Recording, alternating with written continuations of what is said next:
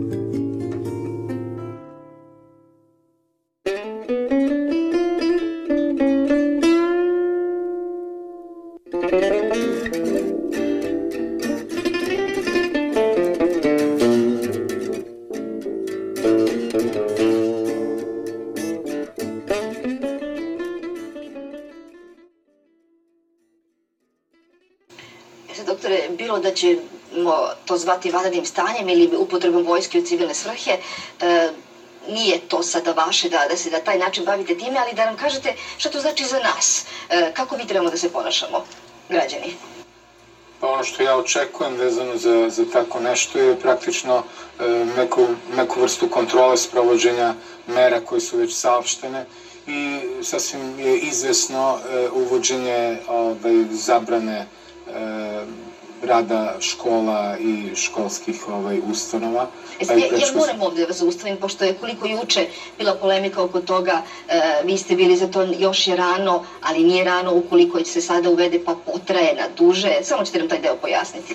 Pa ono što sam ja dobio kao uveravanja i što oko, oko čega nema nikakve dileme je da ukoliko se uvede odma, što jeste jedna opcija, E, onda e, mora dovoljno dugo da traje sve dok ne počne da pada e, broj ovaj, obolelih i da, da ne dozvolimo da naknadno ponovo pojačamo ovaj, epidemiju.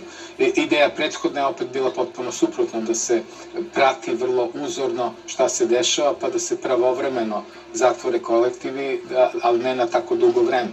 U svakom slučaju, mera otvaranja ponovo biće u nadležnosti e, po onome kako je zakon o zaštiti stanovništva od zaraznih bolesti, u nadležnosti je ministra zdravlja na predlog instituta Batut, prema tome u rukama je opet struke, što na taj način omogućuje da se e, sprovede onoliko koliko je neophodno, bez nekog e, kalkulisanja oko toga. E, e, kalkulisanje je bilo, ideja je jednostavno bila da se prethodna ideja je bila da se e, pusti slobodno ovaj, e, sve dotle dok se ne jasno ne uoči povećanje registracije. Da li u ovom trenutku postoji objektivan razlog da dođe do, te, do uvođenja te mere?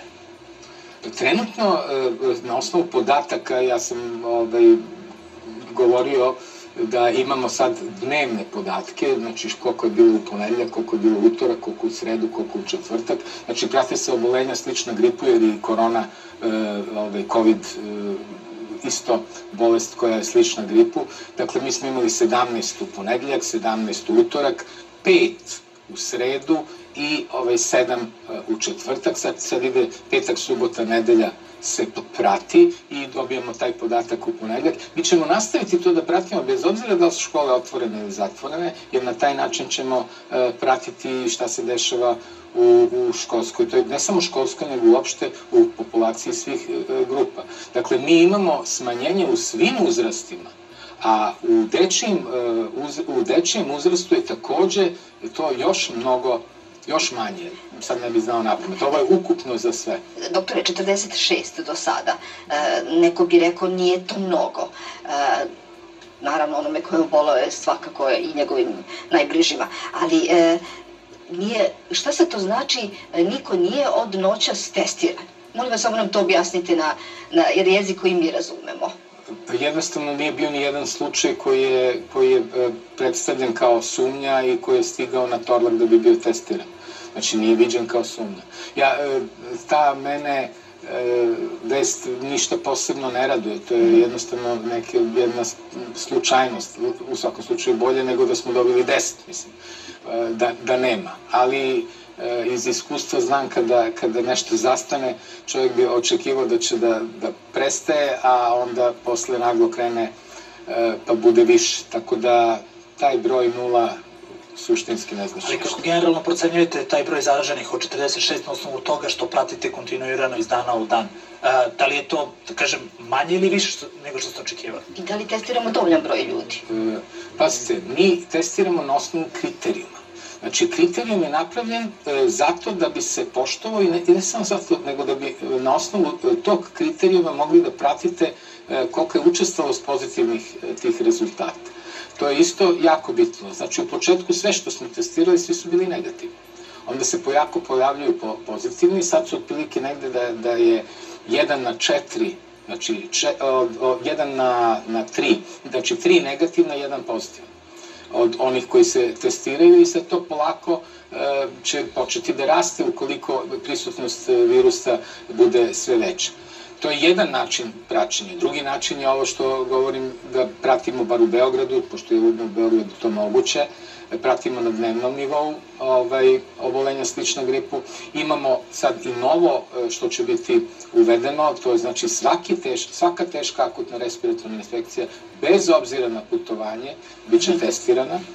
E, to je isto bitno, e, i svaki onaj koji mora da ide na respirator, a da uopšte prethodno nije posumljeno na, na ovaj, COVID takođe će biti testirani. A čekajte, to znači da, da, kako vi to kažete stručno, ćemo objasniti da se već dešava ta, kako kažete, lokalna transmisija, odnosno da više nisu oboleli samo oni koji su bili u inostranstvu ili da. u kontaktu, već se i među ljudima koji... Tako je, mi, ali još uvijek pratimo sve to. Znači, e, nije samo da su oni koji su prvi bili u kontaktu obolevaju pa da su otkriveni, nego otkrivamo od ovih drugih kontakte da i oni dobijaju ovaj, e, bolest i sada već imamo još sledeći niz, dok god budemo mogli to da pratimo, mi ćemo e, pratiti, ali to polako postaje e, e, skoro besmisleno. Kada budemo otkrili prve slučajeve ovaj, tih teških e, akutnih respiratornih, a da ni na koji način nisu povezani sa bilo kakvim kontaktom ili putovanjem, onda je potpuno jasno da je virus u cirkulaciji. Mi već sad znamo na osnovu toga da se javlja i u drugom redu, u drugom talasu, jasno nam je da je virus u cirkulaciji, ali još uvek nije uzo maha. Zašto? Zaustavljamo ga tim merama i samoizolacije, praćenja, e, stavljanja pod zdravstveni nadzor, kontrole, maskama, e, svima onim što radimo, obaveštavamo ljude, brisanjem, korišćenjem ovaj, dezinfekcijnih sredstava tamo gde, gde, je, gde je to potrebno, pripremama bolnica koje se odvajaju, ulazi i tako dalje i tekako se usporava prenošenje virusa i te mere, e, koliko god nekome delovale ovaj, nedovoljne, one imaju prilično visok rezultat u, u sredinama gde su e, pravilno uvedene. Da li to znači da u ovom trenutku apsolutno možemo da kažemo da je situacija, odnosno virus u ovoj fazi pod kontrolom? Jeste pod kontrolom, ali je činjenica da, da, da je e, brojnost e, čini, brojnost tih kontakata, ne samo onoga što smo otkrili, nego tih kontakata koje sad dalje ovaj, pokušavamo da, da pratimo, polako postaje sve veći i veći i polako će postati e, nemoguće sve to držati pod e, kontrolom. Šta to znači kad kažem? To znači da će sve biti prepušteno sistemu i savesti e, i ovaj, svesti naših građana, a onda dolaze u obzir razmišljanja o, raznim merama i da su, da su dalje neophodno A ovaj... ove mere koje bi trebalo da uslede, e, najverovatnije će se i desiti koliko od večera sutra, e, koji, u kojoj meri to postrožavanje? Šta će to... E, pa iskreno da vam kažem... E, u onoj meri koju vi znate, naravno. Da, da, iskreno da vam kažem, ne znam, ali ako su mere da je zabranje javnog okupljanja preko 100, E, to znači da je osnovni zadatak da se to sprovede. E, kako, se, kako će da se sprovodi, to opet e, zavisi od mera koje će biti, koje uvedena i da li će biti uvedena, to još stvarno zaista ne znam, vidjet ćemo večeras. Ono što... što A što bi vaš predlog bio? Kako bi ono, jedino što, što mi imamo kao dodatak ovaj, u okviru tog medicinskog i epidemiološkog tima, to je bilo da može odma da se zatvore ovaj, školski kolektivi sa e, otvaranjem tek onda kada se steknu uslovi. A restorani, kafići, vi niste za, za te mere još uvek? E, restorani kafići spadaju u zabrane javnog okupljanja iznad 100. Mislim, e, e, mi za sada... Kakva je razlika da li je 46 ili 104? E, nije velika razlika u, u, ovaj, u nekom opštem shvatanju. E, vi arbitrarno morate da odredite koji je taj broj, jer život mora ipak da postoji. Da, da ćete da stavite 10 ili ćete da stavite 100. Ispod 100, koliko smo čuli, nigde u svetu do sada nije, nije nikada do, dovedena neka mera. Tako da je ovo najoštrije što je mhm. moglo da se dovede ali sve vreme se govori u iščekivanju toga da dođe do tog naglog skoka broja da. obolelih. Govori se o tom desetom danu koji je danas, ako ne grešim do 12. dana da je negde i zapravo cela nedelja nedelja koja sledi otprilike je ključna ako ne grešim. Da. Svaki, stvarno je svaki dan bitan, ne zbog toga, ovaj, nego što je samo dan u pitanju, nego, nego e, ako pređemo i drugu nedelju bez eksponencijalnog porasta, onda znači da imamo da smo e, sistemski uspili da suzbijemo i praktično znači da treba nastavimo to da radimo sa mnogo većim brojem A koji bi to bio rezultat, da kažem, mislim, nažalost, govorimo o brojevima, da. ali šta, šta... rezultat, rec, mislim, opet je to arbitrarno, znači, ja, ako smo imali oko šest, e, ako, koliko sad imam, 46 za, 46. za 10 dana, prosečno smo imali oko 5, 6, jednom smo imali 7 e, dnevno, ako mi ne skočimo na duplo ili tri puta više u jednom danu, mi smo došli do tog, do tog ovaj, nekog željenog e, rezultata u prve dve nedelje. Zašto? Zašto? Znači, to nije sad neko gledanje e, i neko prognoziranje. Jednostavno to moramo da sačekamo. Međutim, kad se poveća taj broj, automački se povećava broj kontakata koje treba neprekidno držati pod, pod nadzorom. Jednostavno, sistem ne postoji nigde u svetu koji će to obezbediti. Biće preporuka samoizolacije, ne samo preporuka, donosit će se i neke, eventualno pisat će se to. E, sad je pitanje da li će dalje neophodno vanredno stanje da se to stvarno i sprovodi.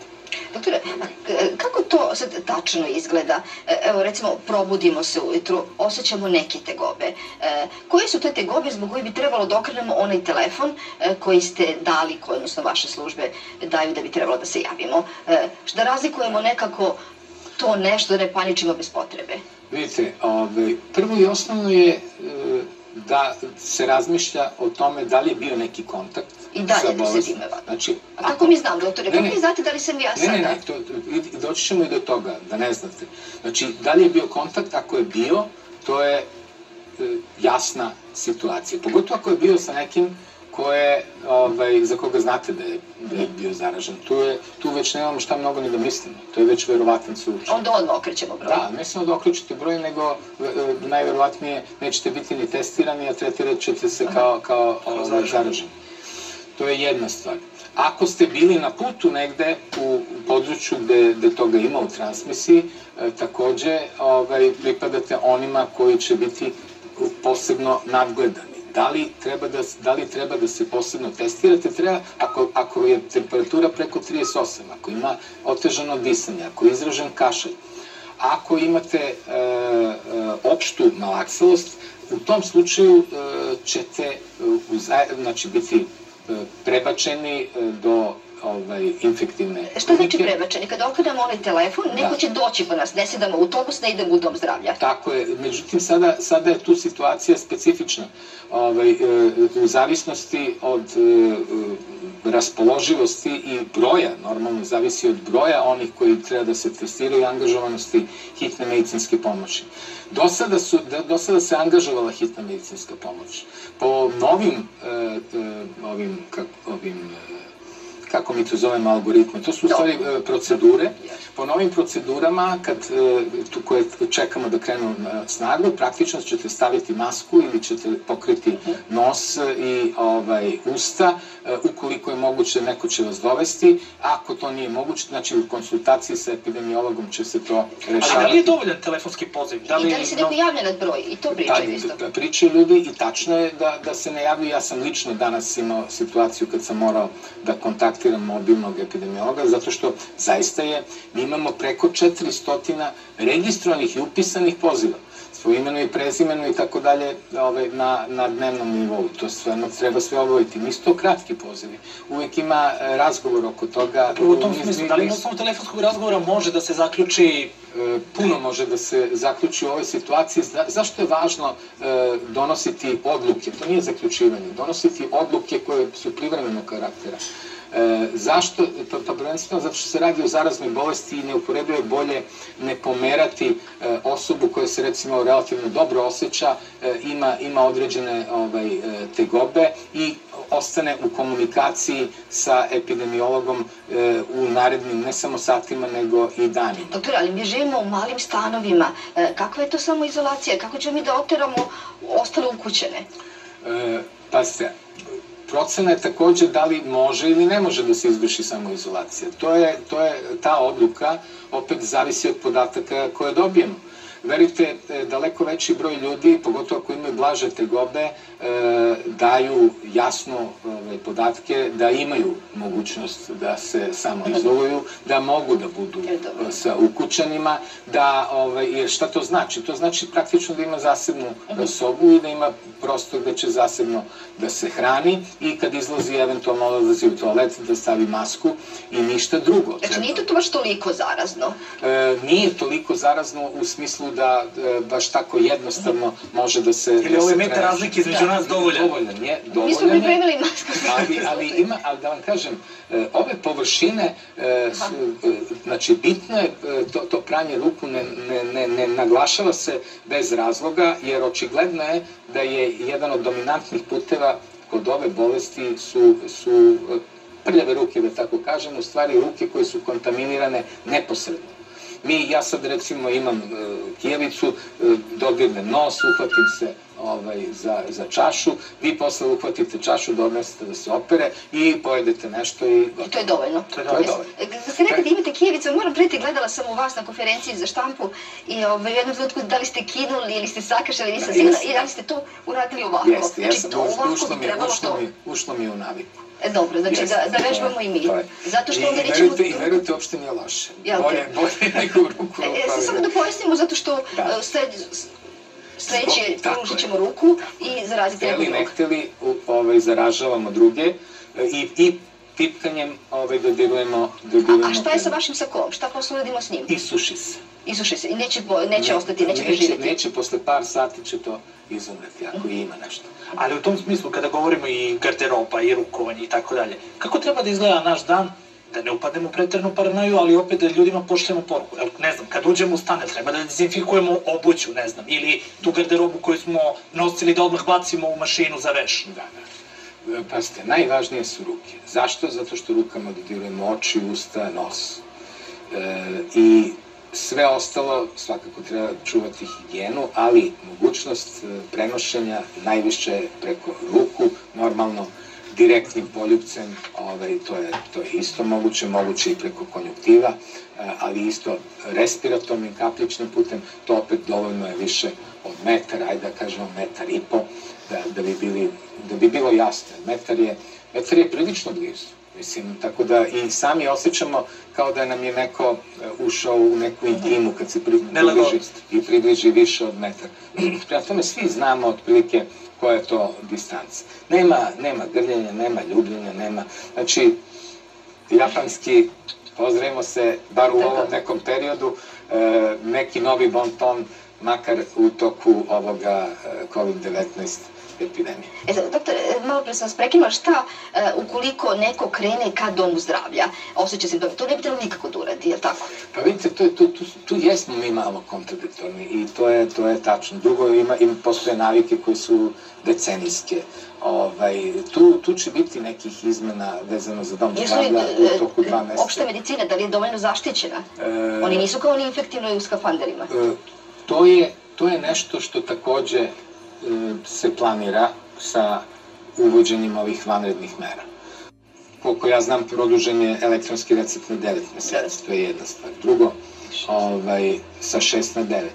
Drugo, jasno treba da se kaže da u, osim u hitnim ili neophodnim situacijama uopšte nemojte ići kod svog lekara, apsolutno sve te zdravstvene ustanove postoje, postoje mesta mogućeg, moguće transmisije, mogućeg zaražavanja. A ovaj, ako, ako postoje tegobe, koliko sam ja čuo, negde, negde, negde je rađena ta anketa, otprilike svaki peti bi odmah otišao kod svog lekara. Moramo to da naglasimo da je sad trenutak da e, nađe način da kontaktira sa lekarima, a o, o tome će biti vrlo jasno reći u bliskom periodu da će, da će svaki dom zdravlja i svaka primarna zdravstvena zaštita morati da obezbedi u ovom periodu direktnu komunikaciju.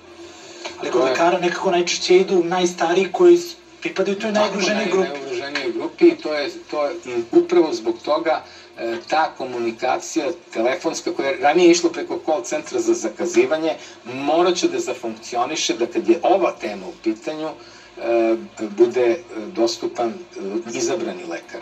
Znači, to je, to je cilj. Kako ćemo doći do toga, moramo relativno brzo e, i svako će, to će svako, pa svako ima mobilni telefon. E, ako, ako želimo dobro, onda, onda ćemo dati e, i svoje mobilne telefone za svoje, za svoje pacijente. I samo za one slučajeve kada, kada ovaj, kada imaju pitanje vezano za COVID-19, znači ne za, za bilo Jasne. koju situaciju. E sad, ukoliko je pacijent ostao u tom kućnom nadzoru, e, ukoliko se osjeća dobro, to još uvek ne znači da se neće iskomplikovati. Čitala sam da je vaš kolega rekao četvrtog do šestog dana, znači da se ne opuštamo. Dobro je, ne, ne mora da znači da je dobro. E, jeste, znači nema, nema sada, ovaj, zato je važno da ukoliko oseti bilo kakvo pogoršanje, E, se trudi da dođe, sada je još uvek epidemiolog. To će se izmeniti. Da, će biti. To će biti, jer jednostavno e, za svega par nedelja e, mi očekujemo jedan ozbiljan skok. Nadamo se, je tako? Nadamo se da to neće da se desi, ali boga mi, kad se dešava u celoj Evropi, teško je verovatno neće kod nas. E, dotle moramo da osposobimo sistem da bude fleksibilniji i da uključi mnogo veći broj ove lekara, E, koji će onda e, uspeti to da absorbuju. Epidemiolozi će postati vezani za te lekare, znači prebacuje se teret direktno na, na, na, na primarnu zdravstvenu zaštitu. To je zamisao. S druge, bile su tu razne ideje. Moja ideja je bila da umesto call centra za zakazivanje zafunkcionišu call centre po domovima zdravlja. Međutim, e, još uvijek to nije usvojeno, ali, se, ali je jasno da mora u toku sledeće nedelje da se donese odluka i da bude napisan jasan dopis domovima zdravlja kako moraju da se organizuju. Uspostavljanje procedura. Tako je. Nije, nije, to sad već nisu samo procedura, to je pitanje načina komunikacije. Znači, na, da se obezbedi komunikacija e, e, pacijenata sa svojim izabranim lekarom, koja ne mora da bude da on mora da ide u dom zdravlja. To je suština. Da bi, da bi e, za ovu temu Znači, druga stvar ako ima ne, e, neki pregled koji je zakazan. Mnoge stvari će biti otkazane. To je, to, to je isto, znači, mnoge stvari koje su planirane Jasne, i za elektivno. E, tako. E, sad, budući da smo, eto, još uvek nije profunkcionisalo, šta radimo u ovom trenutku? Sad moramo vas da pitamo, još uvek ne da. funkcioniše ta, ta vrsta. Šta pijemo? ili ne pijemo, koje lekove uzimamo. Juče smo pročitali da je e, francuski ministar zdravlja rekao nikako ibuprofen većina nas bi se prvo uhvatila za tako nešto. Da bi spustili temperaturu, da. to nam je negde postalo običaj Očekujemo od infektologa da uh, u, vrlo brzo naprave takozvan protokol lečenja da, i uputstva. Ovaj, koliko je meni poznato, to je već praktično možda i juče gotovo. E, tako da će to biti protokol za lečenje svih kliničkih slučajeva, da bi se oni jedinstveno lečili. E, s druge strane, što se tiče primarne zdravstvene zaštite, nema nikakve izmene u odnosu na sve ostale virusne infekcije. Znači, daje se simptomatska terapija. E, samo molim, šta to znači? Šta to znači? To je, znači, ako, ako, ako, je, ako je povišena temperatura, daju se lekovi za ovaj, obaranje povišene temperature. A to spada ibuprofen? Spada ibuprofen, prema tome e, to svakako, e, zašto negde e, to isključuju, kod nas, koliko ja znam, dobro, nije dobro. isključen, a važi i za druge, za Panadol, što isto tako, isto je bilo priča o tome da, da i on može da se isključuje. Dakle, mogu se davati ti lekovi, mogu se davati ova, sva ova para ovaj, medicinska sredstva ili, ili e, pa, ovaj, parafarmaceutika u smislu pojačanja neke opšte otpornosti, sve to u redu, ali najvažnije od svega je mirovanje e, i što više sna, e, što više odmora. To je... A oni narodni lekovi koji se uvek pominju u tim situacijama, Pa dobro, ako mislite na, na, na ishranu, ovaj, svakako da ishrana, ča, čaje, to jednostavno ne može smetati e, u, u smislu i obaranja temperature. Obloge od rakije.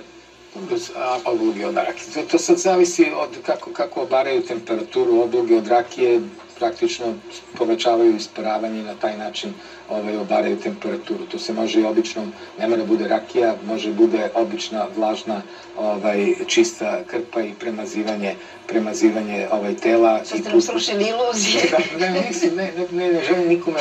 Znate šta, ako, ako neko veruje u to, to njemu i pomaže. Ja, ja, ja u principu... Držimo mi znači rakije. Znači ima malo i placebo efekta. Pa ima i, i ko, je, ko bi bio protiv placeba efekta, on jednostavno nije dobar lekar.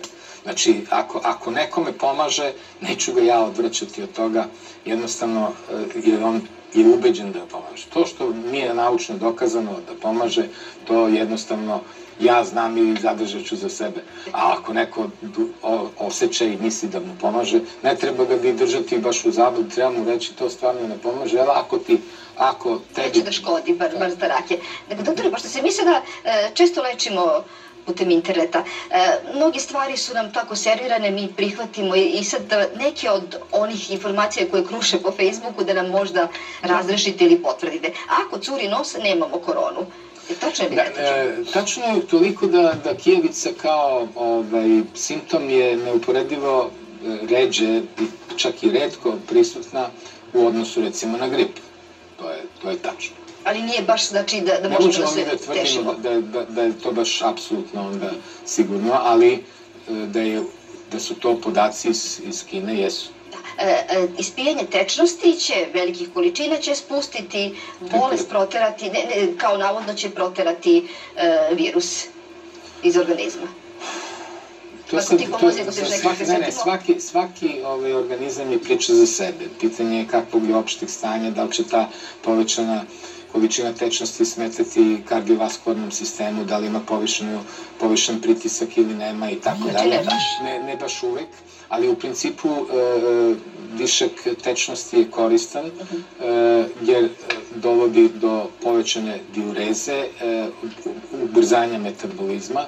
E, sve to skupa ne može da bude loše, osim kod nekih kardiovaskularnih ili bubrežnih Ja. bolesnika, tako da tu treba biti oprezan. Grgutanje vode, odnosno grgutanje Da, to, to ne, mislim, moje lično ovaj, uverenje je da sva ta, svi ti dezinficijenci koji se koriste recimo za, za usnu duplju, e, pa i grgutanje ovaj, sa tim e, ne može, ne može škoditi. Svako, svaka ta situacija može u tom trenutku e, sprečiti neku replikaciju virusa, ali ne možemo da grgućemo po ceo dan. Da. Mislim, tako je to ovaj, isto, i može čak i da ošteti ako se baš previše koristi. E, virus umire na 26-27 stepeni. Sad svi mi gledamo u nadi kad će stići to lepo vreme, e, da ili ne. Pa, e, za različite viruse je različito. U principu virusi, virusi, da, ali virusi koji napadaju, to je u spoljnoj sredini ne može da opstane, o tome se Mhm. radi, ali on živi na 36 do 37 stepeni u čoveku, mislim, prema tome i tekako mu odgovara i, i mnogo više temperatura. Ali u spoljnoj sredini kad je kad nema e, žive ćelije, onda on ugiba na nešto vi- višoj ovaj, temperaturi. Na niskim temperaturama on dugo ostane, da kažem... To znači da živi. treba da se radujemo tim UV zracima. Da, I to znači sigurno, da. U svakom slučaju, e, UV zraci su jedan od e, sredstava koji deluje antiseptički. Doktor, vi ste nam rekli u pripremi odahnućemo svakako kad dođe lepo vreme, ali Da. možda to i neće biti kraj. Ovaj, da se, da se ovaj virus o- odupro svim dosadašnjim istorijskim podacima i da je opstao i da je izazvao pandemiju. Prema tome, e, on i dalje pokazuje potencijal E, da će e, najverovatnije nema ni jednog razloga da bude drugačije, da se smanji njegovo prenošenje u toku toplijih dana i sa ultravioletnim zracima, to stoji. Međutim, da li će i koliko će e, da se održi to fekalno-oralno prenošenje, znači e, e, putem prljavih ruku, to ne možemo još uvek znati, jer, vidimo iz Kine da je oko pet ili nešto više procenata imalo proliv kao, kao jedan od dominantnih simptoma. Prema tome, vrlo je verovatno da i taj put prenošenja a, opstane. Znači mi zapravo imamo popriličan broj nedoumica, odnosno nepoznanica u vezi koronavirusa. Pa, vidite, zavisi kako ko gleda. Recimo ja kažem da ima, neko drugi kaže da nema. Zato što je, e, neke, neke stvari su već dosta poznate u smislu njegovog potencijala prenošenja u toku zime, ali preko leta kako se prenosi još uvijek ne znamo ništa. E, to je, to je znači čekamo zapravo realnu situaciju. Čekamo, možda ćemo mi i da, i da izgubimo i da ga ne vidimo, a on ostane na južnoj hemisferi. Znači, ne znamo ni pa to. Pa da nam se sjeseni vrati kao Tako je, to, to liči onda na grip ili će održati... A da li će onda biti u vakcini, da li će postojati... Pa za sada nema, ovaj, pa imate, stalno imate preko ovaj, raznih ovaj, novinskih naslova i prenošenja da vakcina postoji. To ne i da je samo što nije zakucano... Da je na dohvat ruke. E, iskreno da vam kažem, e, ja obično kažem nikome nije kontaktirao, to deluje možda prepotentno, ali sve one koji se bave E, vakcinama, jednostavno moraju da budu upoznati s tim. Ako nema ko šta da vas upozna, mhm. to znači da nije došao do nekog nivoa e, kada ima nešto što ozbiljno može da bude i korišćeno.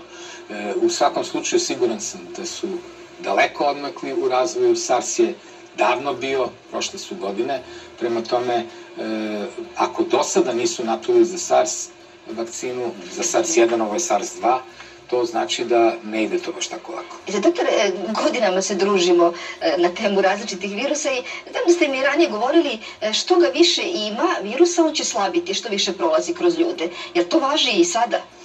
E, Možda sam pa, malo patrozirala. Znate, u čemu se da, radi se o tome da se povećava broj imunih i kad, kad je grip u pitanju, to je apsolutno tako. Znači, povećava se broj imunih, po, ogroman je broj onih e, asimptomatskih infekcija koji se kod, kod gripa u principu znaju da su vrlo česte. E, I onda, e, kao što smo recimo imali u te 2009-10. niko nije ni primetio, a četvrtina populacije nam je bila zaražena. Posle kad smo to izmerili, kad je to bilo, mislim, niko nije ni primetio. Znači, nama svaki sedmi i osmi se javlja otprilike lekaru i sistem ga registruje. E, verujem da će slično biti sa ovim virusom, možda čak i manje, da će se javljati. Tako da ovaj, činjenica je da se dešava nešto, ali to ne mora da znači da za one koji su potpuno osetljivi, da prolaskom kroz potpuno osetljive, da će da bude uvek sve blaže i blaže. A koliko Dešava jedan... se nekad da bude i jače. A koliko jedan zaraženi zaraze ljudi oko sebe? Koliko je zapravo, da kažemo, uslovno rečeno, opasan za okolinu? Ovde, ovde se taj takozvani reprodukcioni broj je kod ovoga na osnovu do sad dostupnih vodoteka. Dostupnih, a to će se sigurno promeniti, je 2,3, dok je recimo kod gripa 1,5. I e, ispada da je ovaj zarazniji od, od, za plavu... Da, značajno. Međutim, e, tu se opet ne zna koliki je, koliki je potencijal, koliko zapravo e, koliko imamo onih koji su asimptomatski zaraženi. To, to traže opet neke serološke studije. Onda opet nemamo Ali nemamo serologiju. Ne samo to, nemamo ni serologiju. Nemamo vremena, to je sigurno. Znači, tek će posle ovaj, ove prvog pandemijskog talasa celog, znači i severne i južne hemisfere, tek će posle prvog tog da se dobijaju neki podaci. I to samo ukoliko budemo imali e, e, na mogućnosti se, serologiju, da, se, da su ispitane antitela koje se mere, mi se sada to još uvijek nemamo. Tako da, da ovaj, nemamo ni te testove da bi uopšte mogli da vidimo kolika je ta prokuženost bila, tako da ćemo čekati kad, kako bude bilo, tako ćemo... Ali kada govorimo o tom čekanju i da kažem, naj, te najveće krize koje se očekuje zapravo pred Vaskrs.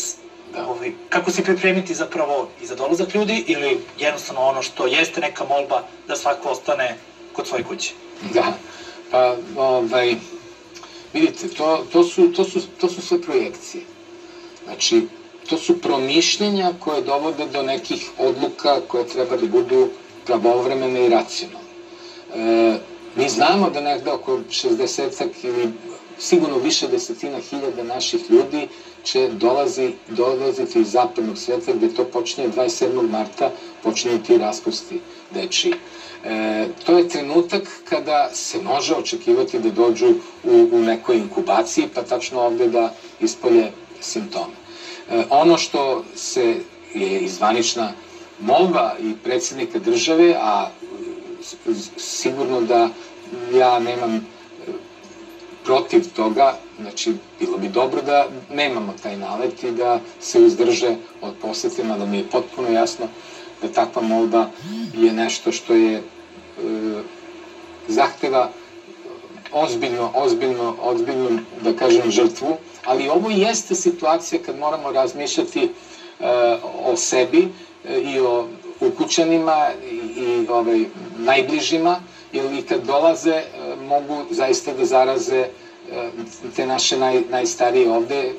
Znamo da su nam stari uglavnom ovde.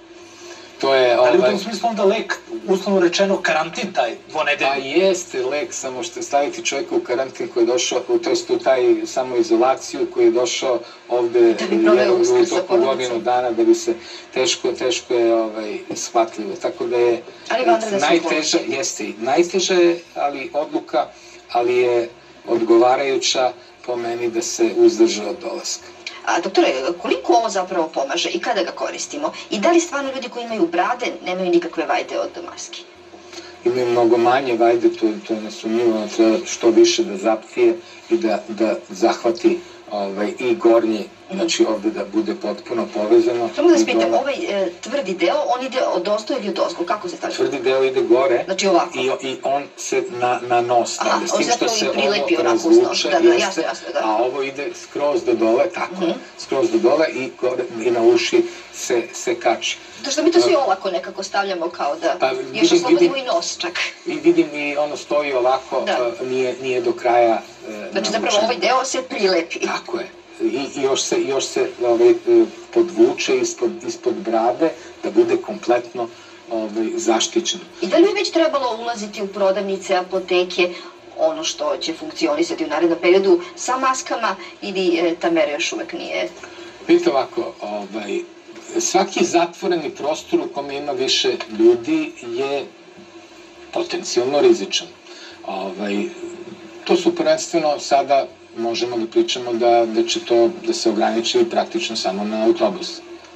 Znači, ako već govorimo o nečemu gde, gde, gde bi bilo, ovaj, gde ima nekog smisla, onda su to takvi zatvoreni prostori, e, gde, međutim, koliko ja vidim, e, zaista je smanjena i upotreba i saobraćaja, tako da e, to polako, znači, ljudi shvataju, nije tačno ne shvataju, samo što mladi jako teško shvatili. Na sreću Što oni... nisu ugroženi, pa- pa nisu ni ugroženi, tako jasno. i drugo, mladost je to, teško se to ovaj, može ovaj, kontrolisati i jednostavno oni imaju i blage, blage ovaj, simptome jer ne prepoznaju da mogu biti opasni za, za stare. Zato moramo ovo Ali mogu da prenesu upravo to Pa, da o tome, se, o tome se radi. Zato se zatvaraju i škole, prvenstveno zbog prenosioca. Znači, to je, to je razlog. A šta svako generalno nas može da učini, osim, ne znam, maske, korišćenja sredstava za dezinfekciju, da zaštiti svoje zdravlje i da ojača svoj imunni sistem kako bi, da kažemo, što blaže prošli kroz celu tu krizu? Prvo treba spava. To je najvažnije od svega. Da, ako je moguće, da 7 do 8 sati dnevno spava.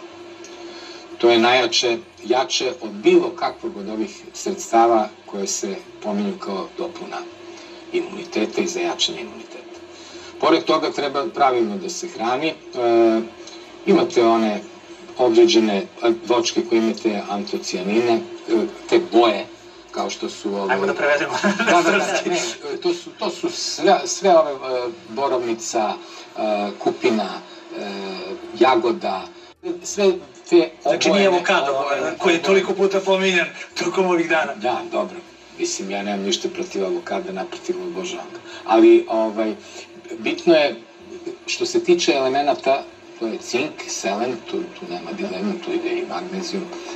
Ako nedostaje gvožđe, to posebno važi za anemične, to je, to je hrom, to su sve inače potrebne, potrebni oligoelementi za održavanje ovaj, normalnog e, imunog e, statusa, ali nešto da će one promeniti sad, što će početi da se piju, to teško To da zakasnili. može da se očekuje. A pušači, jesu li stvarno ugroženiji? Jesu. Pušači su uvek ugroženi od, od respiratornih infekcija, to nema dileme, pogotovo ako su dugo, dugogodišnji pu- pušači. Oni imaju takozvane bronhijektazije, znači proširenje bronha, gde se lako dolazi do infekcija, ali se i komplikuje sa bakterijskim infekcijama i da ne bi plašio pušače, sigurno neće sad da prestanu da puše, ali treba više da vode računa o kontaktima svojim. A žene, e, oko toga se polemisalo, tek neznatno je manji broj žena koje su zaražene i nisu zapravo, kako sam rekao, to ne, ovaj, da, žene, žene jesu nešto niže ovaj, zaražene u odnosu na veći broj koliko ima ja. žena u odnosu na muškaraca, ali to nema nikakvu statističku značajnost. Ono što jeste značajno, to je umiranje kod žena ipak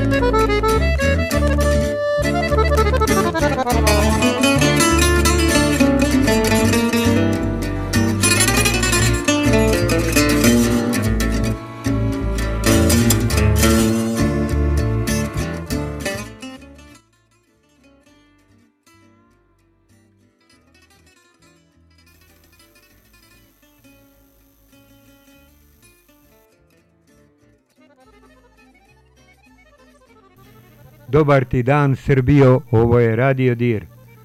Slušate specijalnu emisiju COVID-19. Evo, danas je nedelja 29. mart 2020. godina. Čućemo sada e, današnji izveštaj u 15 časova sa pres konferencije kriznog štaba, to jest ljudi koji su u medicinskom štabu i čućemo neke informacije pa posle ćemo se uključiti u naš program. Ovo je Radio Dir koga možete slušati preko web stranice duplove duplove duplove .radiodir.co.rs i danas je s vama Jovan Srkerešić, odgovorno lice Radio Dira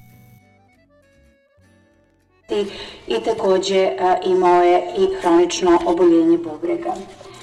U kliničkom bolničkom centru Dragiša Mišović preminule su dve žene, 1938. i 1934. godište, koje su obe imale pridružena hronična oboljenja.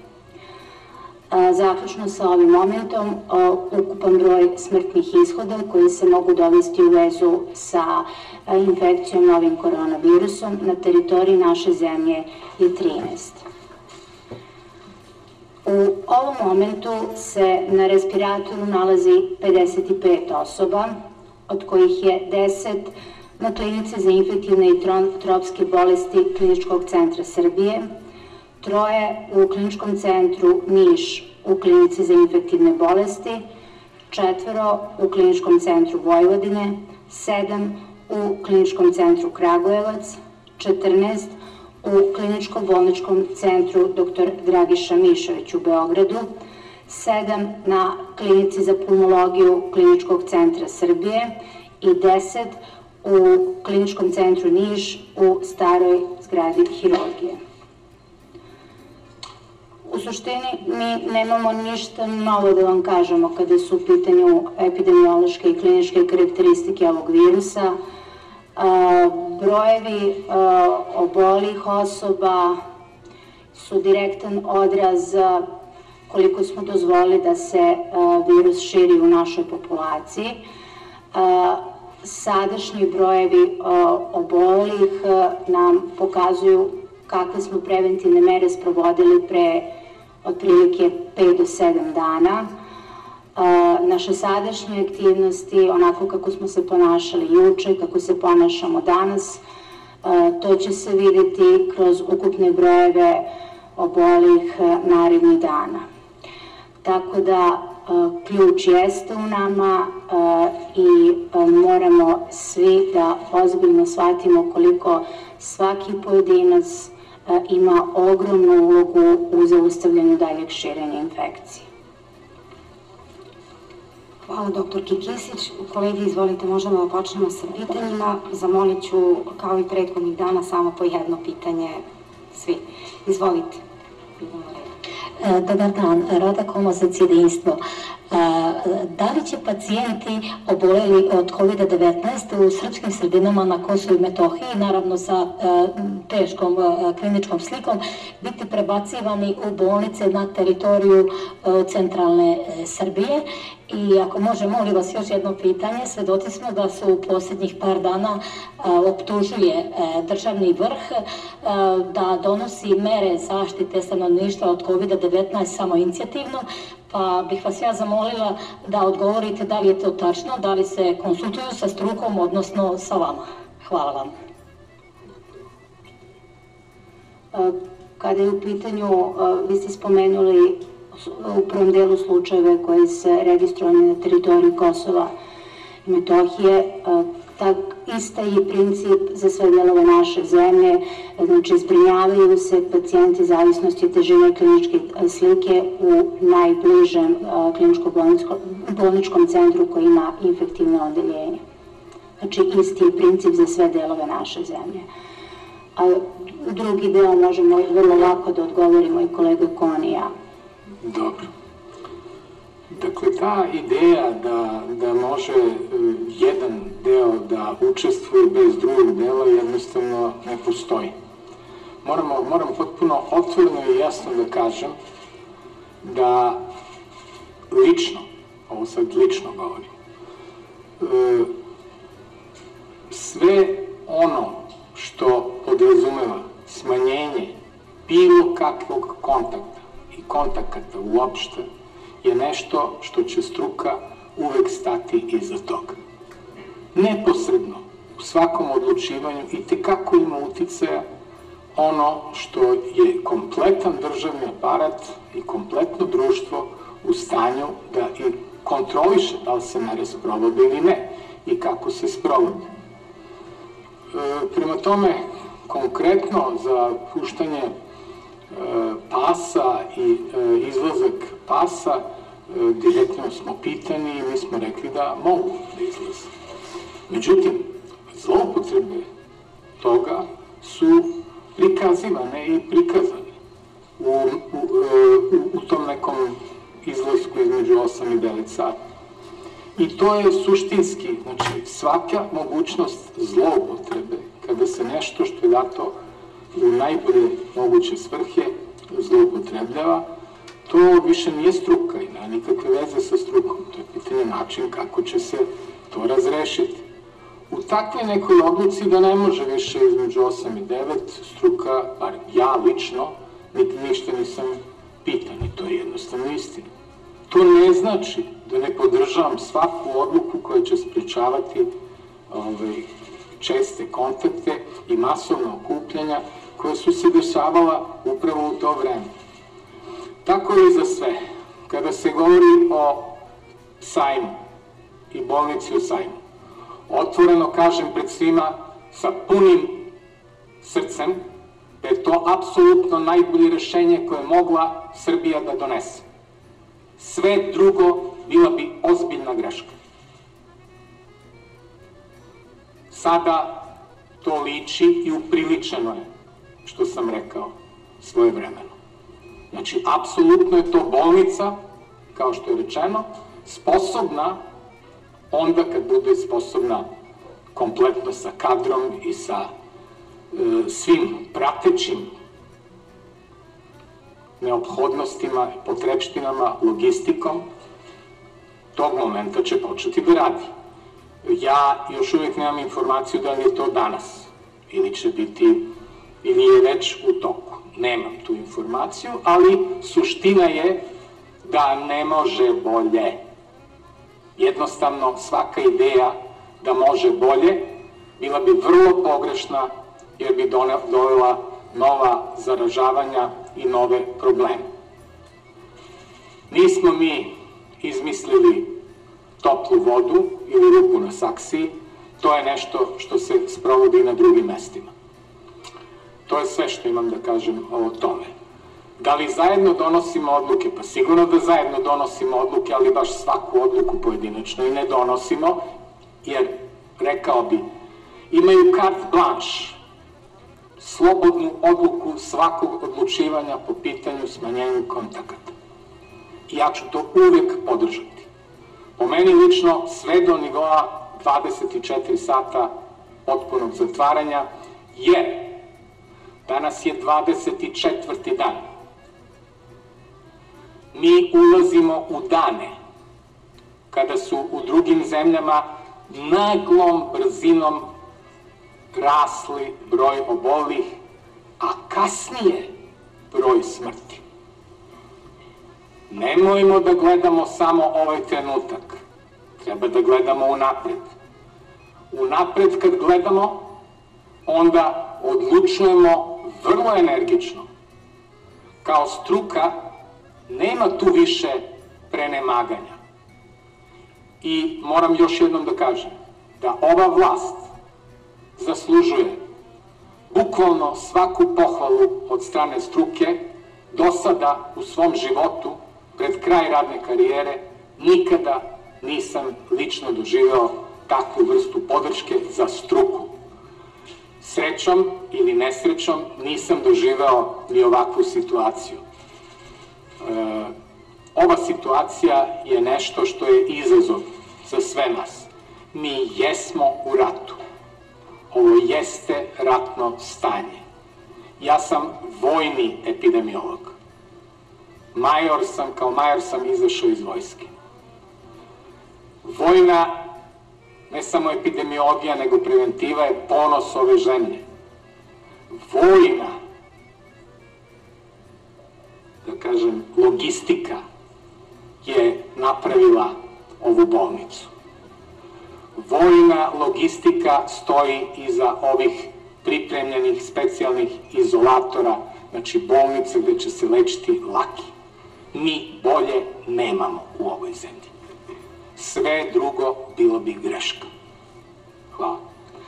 Znači, samo da rezimiramo sve stručne preporuke. A, kao što ime kaže, piše i donosi struka. Da bi se na ovakav jedan organizovan način sprovelo neophodna je podrška i zajednički rad države. E, samo ovde su prilično periferna pitanja ko je striktno doneo koju odluku, zato što je svima nam zajednički cilj. Cilj je da sprečimo da se infekcija širi sa osobe koja ima infekciju na osobu koja je osetljiva. Znači, to nam je jedini i osnovni cilj i opet napominjemo kakva god da bila uredba, kakva god da bila, znači, odredba se donela od strane države, vlade, to ne može da uspe ukoliko svako od nas ne preuzme odgovorno svoju ulogu. Hvala, izvolite dalje. Izvolite. Dobar dan, Miliruk Sovilj, N1. E, zanima me zašto pojedini pacijenti na infektivnoj klinici čekaju i do pet dana na rezultate da li su pozitivni na COVID-19, u isto vreme, koliko smo mi dobili informacije, oni su smešteni zajedno sa pacijentima koji su pozitivni.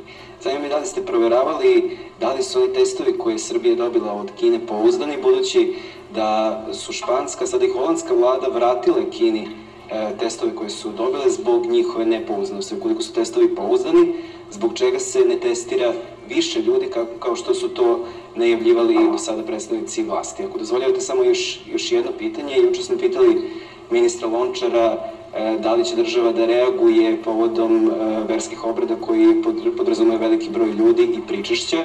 On je neki način prebacio loptu na vas, rekavši da će struka to da odluči, pa sad taj vruć krompir je u, u vašim rukama. Da li ćete vi preporučiti vlade Srbije da e, odlučnije postupi povodom verskih skupova? Hvala. Pa, ovo prvo pitanje nameće se odgovor. Čeka se rezultat zato što ne može pre toga da se dobije. Tako to čisto logika. Zašto ne može da se dobije? Pa zato što je prenatrpano. I to se rešava. Bolje, očigledno, ne može. Što se tiče samih testova, ovaj, to je pitanje više za usko specialističko pitanje za virusologa, virusologe. Koliko znam, oni su juče imali poseban sastanak u okviru kriznog štaba za zdravstvo. Mislim da su doneli odluke. E, čekamo mi da, da se da to zagušenje polako popusti. E, pitali ste nešto što je nama poznato, nema izbjegavanja. Znači, jednostavno nema izbjegavanja. Znamo za taj problem da ne može drugačije da, da se čeka, treba odvojiti čitavu jednu ustanovu gde bi sedeli odvojeno pacijenti, a onda ti koji su planirani da se iz te ustanove isele, nemaju gde da se leče. E, da ne pominjem tačno koja je ustanova, ali se radi opet o teškim bolesnicima, prema tome u problemu jesmo. Iz tog problema izlazimo koliko smo sposobni, to je brže od ovoga, očigledno ne znamo. Ali što se testova tiče imamo ih. Samo treba da se dobro organizujemo. E, zato sam ako, to je rekao da nije realno pre sedam dana, možda sam i ja ubrzao, pa rekao vrlo optimističku varijantu. Jedna stvar su testovi, druga je stvar da vi možete sve da odradite da se ti rezultati dobiju za jako kratko vreme. To nije isto. I ne znam šta više tu da vam odgovorim. A. Izvinite, samo jedna stvar. Žao mi je ovde niko trenutno nije od kolega sa infektivne klinike koji ste spomenuli. Ali a, takva je trijaža i takva selekcija da se ne dozvoljava da bude u kontaktu osoba kod koje je potvrđena infekcija sa osobom koja to još uvek nije. A, tako da a, Mediji ovde su nam ogromna podrška. Vi ste naša praktično sada produžena ruka da širimo svakodnevno sve informacije praktično istog momenta. Tako da ovde neki ekskluzivitet ili a, prevremeno širenje nekih informacija nije dobro za, za sve nas. Ja ću se odmah posle ovoga viđenja sa vama da proverim da li se možda desio neki previd, ali to imajući u vidu strukturu i način organizovanja i kapacitete koje imamo, znači ne sme da se dogodi. Mi nemamo registrovano nijednu, nijednu situaciju da je neko zaražen zbog toga što je bio u kontaktu. To je isto jako bitno reći u ovom trenutku. Znači, sve se čini što je moguće da se, ako i moraju da čekaju zajedno, da su što više udaljeni i tako. Šta je bilo drugo pitanje samo? Kako? Sve što se crkve tiče. Ove, ovaj, to, je, to sam već jednom odgovarao. Ne znam šta se očekuje od nas. Mi smo dali da ne sme biti udaljeni bliže od dva metra. Ovde se govori o nečemu što je običaj u pričešću, što apsolutno ne odgovara ponašanju. I tu nije više kao struka, ne, ne bi trebalo da ulazimo. Ja sigurno, pogotovo što ovaj, imam i, i posebno opterećenje po tom pitanju, ne želim, jednostavno, ja samo apelujem na ljude, da je ovo ozbiljna bolest, da je rizik korišćenja iste kašice sigurno znatno veći nego da se to ne radi. Ovaj, I nemam šta tu da dodam. Zabrana ili tako nešto s naše strane uopšte nikada neće ni doći. Mi dajemo samo preporuke, zabrane dolaze od vlasti. I tu između nema ništa. Izvolite. Pa stručni stav je potpuno jasan. na bilo kakvu vrstu kontakta koja povećava rizik od prenošenja infekcije, mi imamo isti stav. I sigurno vam je svima jasno da mi e, takvu vrstu e, ponašanja, takvu vrstu kontakata svrstavamo u kontakte visokog rizika za prenošenje infekcije.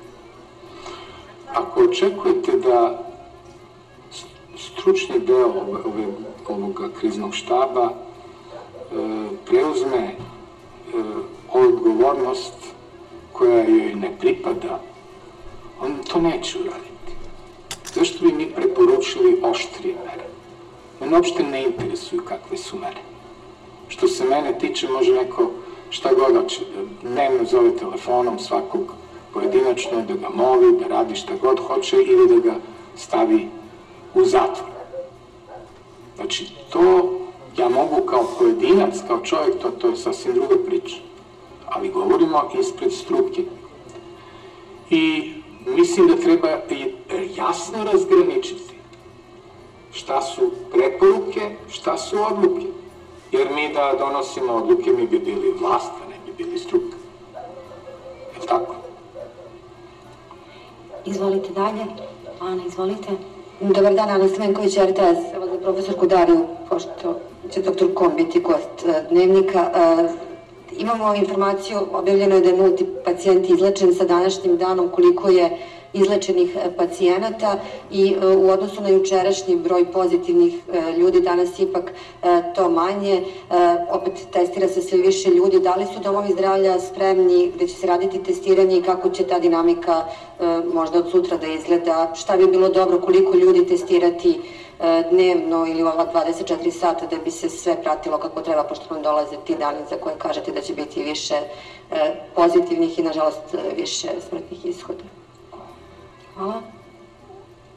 Mi bukvalno pre nego što uđemo u ovu salu dobijemo najsvežije informacije, tako da za neke vrste detaljnijih analiza zaista nemamo vremena. Sada smo fokusirani na, kao što ste videli, ukupne broje pozitivnih slučajeva, nažalost smrtnih ishoda i ljudi koji se nalaze na, na respiratoru svakako da ima i dosta dobrih vesti i slažem se sa vama da i takve informacije treba da širimo.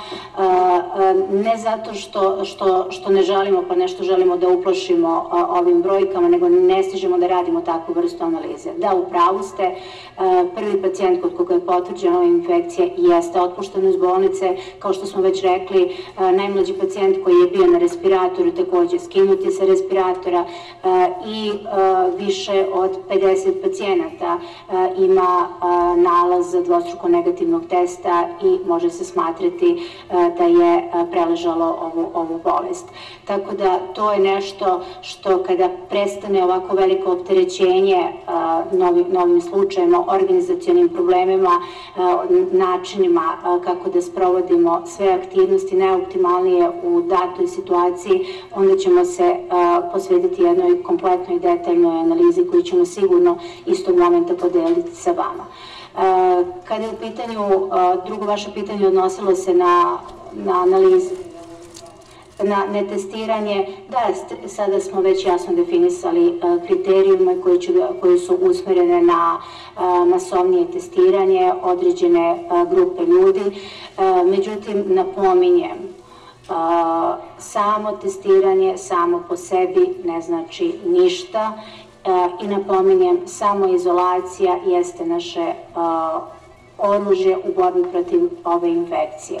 Testiranje hoće biti usmereno ka traganjem za asimptomatskim oblicima infekcije, zatim ka neprepoznatim oblicima infekcije i osobima koji čak možda ni nemaju nikakvih simptoma i znakova bolesti. E, međutim, ukoliko se svako od nas bude ponašao kao da je potencijalni nosilac infekcije, onda radimo pravi posao i na pravom smo putu. A testovi su tu samo da nam, da nam pokažu a, koje osobe u tom momentu imaju, a, imaju infekciju i za koje je neophodno da se a, izoluju, maksimalno izoluju i spreče prenošenje pre svega na svoju porodicu, a zatim i na ostale članove zajednice. Izvolite dalje. Samo bih dodao, postoje dve vrste ljudi postoje ljudi koji jednostavno su, žive u ubeđenju da se to njima ne može desiti i oni kada dobiju neke blage simptome, oni odpače uopšte da je to to, kada to nekako ne prolazi, pa postaje sve teže i teže, jako kasno se odlučuju da se jave.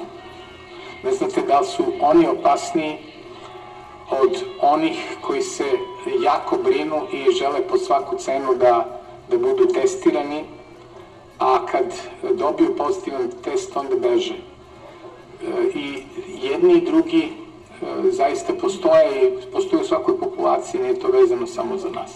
Ono što je, ono što je bitno naglasiti, nemojte ljudi da, da se plašite, da, da se testirate, to je isto bitno, nemojte ni da bežete ukoliko ste pozitivni. I jedno i drugo je jako bitno, ne samo za vas lično, nego za celo društvo. Izvolite. E, dobar dan, Natalija Jovanović Imam pitanje u vezi sa zdravstvenim radnicima, pošto je sino stigo taj paket nove opreme za zdravstvene radnike. E, da li to sad znači da su svi radnici u zdravstvu e, opremljeni na adekvatan način na teritoriji cele naše zemlje, da su prosto im obezbeđene maske, rukavice i sve što je potrebno?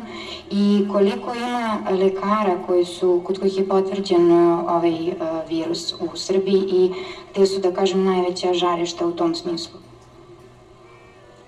Hvala.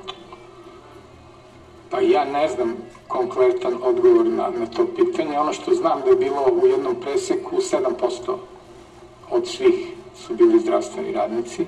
Da li se to održalo, to ne mogu da, da tvrdim, jer sada je već 741 ovaj, odovoli. Ovaj, ali e, svakako da se pojavljuju pojedinačno zdravstveni radnici, pojavljuju se i manji, manji ovaj, broj koji su povezani, ali uglavnom je, e, je zaražavanje bilo izvan ustanova, koliko, koliko znamo. Ovaj, to jeste problem veliki. Isto tako, za zdravstvene radnike mislim da su shvatili da je jako značajno da, da budu utrenirani sa, sa opremom. Mi, e, bar kod mene u gradskom zavodu, na dnevnom nivou dolaze na, na obuku, bila je obuka i na VMA. Vrlo je važno da se pravilno koristi zaštitna oprema. Da li ima dovoljno?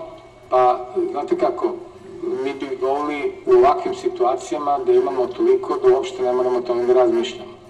Međutim, nažalost, e, to ipak ne postoji. Mislim, svaki put se ponovo moramo preispitivati i svaki put moramo neprekidno da brojimo koliko je ostalo i da se ne ne desi da na kraju, to, to, je, to je kod nas uobičajena stvar. Kada dođe do, pred sam kraj, recimo, testova nema e, i ostanemo još 10 komada, ja kada nema testova, kada će testovi da se sami pojave.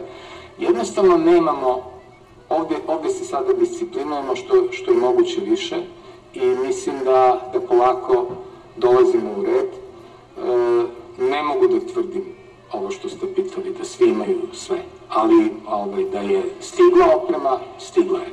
Ona se sad raspoređuje, oni kojima je, koji su apsolutni prioritet, trenutno je imaju i to će se dalje morati pratiti daleko striktno. Znači, 2462. Jeste.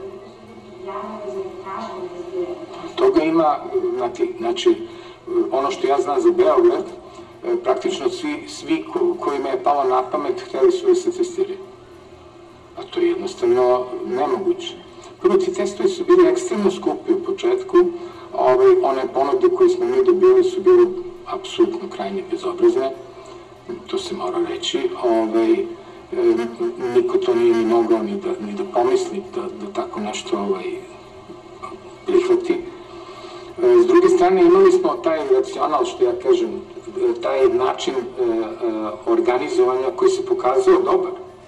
Evo, vreme će, vidjet ćete, sve kako vreme prolazi i ova promena će se vremenom pokazati da je dobra, s tim što ovaj, ono što se stvarno dešava, dešavat će se da li mi, to, da li mi testiramo ili ne testiramo. To je samo zato da mi znamo a ne šta će se stvarno dešiti. Ja kad sam svoje vremeno pričao da je važno teške akutne respiratorne i govorio da je glavna stvar sačuvati život, sada postaje glavna stvar otkriti svakog onog koji je prenosilac, da sada smanjimo, kažete, otprilike, znači koliko je odnos između ljudi koji su se javili i tražili testiranje i oni koji su testirani. Samo je jako bitno naglasiti da sve one osobe za koje je utvrđena indikacija koje smo definisali, ako su zadovoljavali te indikacije, sve te osobe su testirane. Znači, to je ovaj broj koji smo vam rekli, 2462 I dalje se neće testirati oni koji ne pripadaju uh, osobama koje treba, znači, što reče, ne nije bitno. Kolega je naš Pa kaže, ako se testiramo, testiramo ko hoće, to bi nam trebalo negde oko 7 miliona testova. I to dnevno? Da, i to na dnevno nivo. Tako to, ovaj, jednostavno, postoji indikacija za testiranje i mi smo je poštovali sve vreme. Zašto je proširena indikacija? Pa da lovimo, lovimo pod navodnicima, u smislu da nađemo onoga koji je zarazan, da sprečimo da dalje širi zarazu. On to ne radi svesno. Nije, nije namer, a on, on se ne bi ni javio na testiranje. Njega nalazimo tako što je kontakt od obolog. I to je suština, to je proširenje tog testiranja. Proširenje testiranja ne podrazumeva da se testira svako ko hoće. To treba reći da odgoda ste pitali. Jako je bitno kada je u pitanju obolevanja zdravstvenih radnika koje, koje ste naveli, kao što smo već rekli, u, kod gotovo svih slučaja zaražavanje se desilo van bolničke sredine.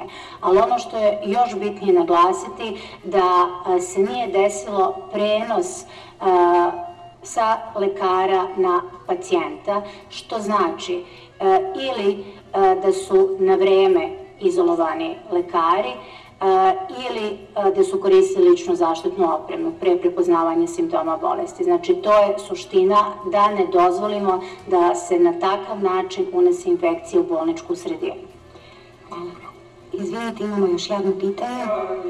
Jovan Palavestra, televizije PIK. Ako ste bili u situaciji, u prilici, ako imate vremena da pratite ono što se dešava oko nas u Evropi, kako, kako stoji stvar u Evropi, kako se ljudi u Evropi Dokle su oni dogurali, znamo da mi ne možemo sami da završimo priču, ako je završimo, a da kako stoji, navod smo imali dva pristupa, jedni koji su malo više pustili epidemiju, drugi koji su pokušali da malo više stisnu, pa kako gledano odavde ka Evropi napreduje ta stvar, jel se nazire tamo u kojoj su fazi sve zemlje oko nas?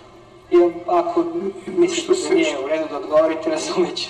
Ne, ne, što se Italije tiče, tu je glavna opasnost da, ne, da, da, da se ne prebaci na, na jug i da ovaj, na taj način dođe do produženja i tu je, tu je centar pažnje, bar preventivac. Sve ostalo je više vezano za organizaciju i za sprečavanje daljeg prenošenja, jer je u severnom delu Italije to nije uspelo, jednostavno to je prošlo vreme i gotovo.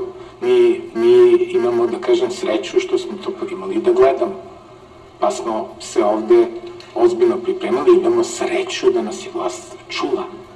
To je jako isto bitno stalno naglašavati. Tako da, e, ovi koji su mislili da je bolje e, otvoriti, kao što je u Velikoj Britaniji, stvarati taj prirodni imunitet, kao i šeđani, gledat ćemo, gledat ćemo te modele, imat ćemo prilike da upoređujemo, Pitanje je, znate, e, to je opet pitanje nadmorske, ove geografske širine, pitanje da li je virus dopreo do, do tih e, područja, to e, vi, postoje takozvani, u epidemiologiji su se tako izolovana ostrva posebno opisivala remote islands, gde se recimo bolest nije pojavljivala, pa onda konkretno male boginje se pojavio i, i obolili su 100% svi. Znači, od 0 do 70 i, i više godina. Prema tome, e, može i ovde da se desi da virus u neki deo sveta ne stigne, ali stiče kasnije. E, I ovo što mi odlažemo, sasvim sigurno će doći kasnije. Mi e, možemo samo da odložimo, da bi došli u jedno stanje potpunog zaštićenosti treba svi da budemo imuni. Ne svi, dovoljno je već 70% da virus nema gde da se održava kao epidemija, ali će se opet pojavljivati pojedinačno. Drugo, ne znamo, i ajde sad da ne ulazimo u to, to, to, to su stručne rasprave, da li će ovaj život zaista preživeti, a da će ovaj život uh, ovog virusa se nastaviti uh, ili neće, po svemu sudeći ovi podaci koje imamo, on misli da bude s nama još neko vreme, a vidjet ćemo da li će steći sposobnost da neprekidno bude s nama kao što je virus gripa. Hvala doktoru Konu i doktorki Kisić. Ovo su današnje obraćanja završene i vidimo se sutra u 15 časova. Hvala. Bravo.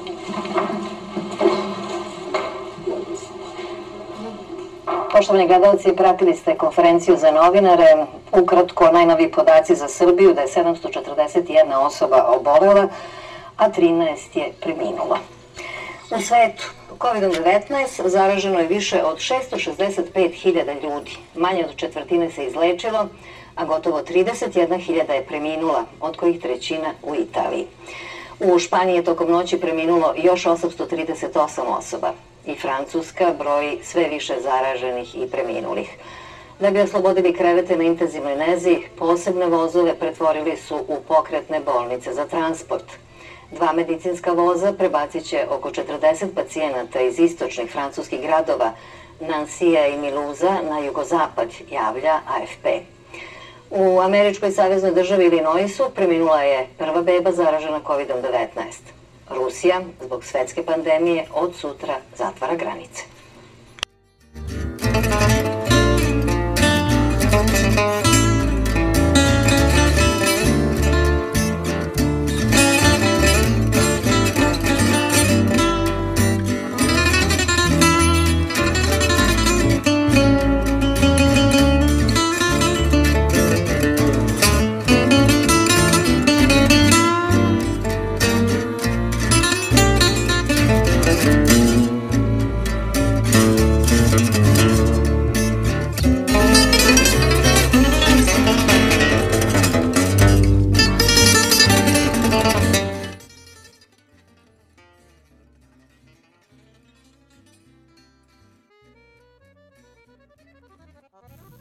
Dobar ti dan Srbijo, gde god ti meni bila, ovo je Radio Dir, 7 časova i 29 minuta.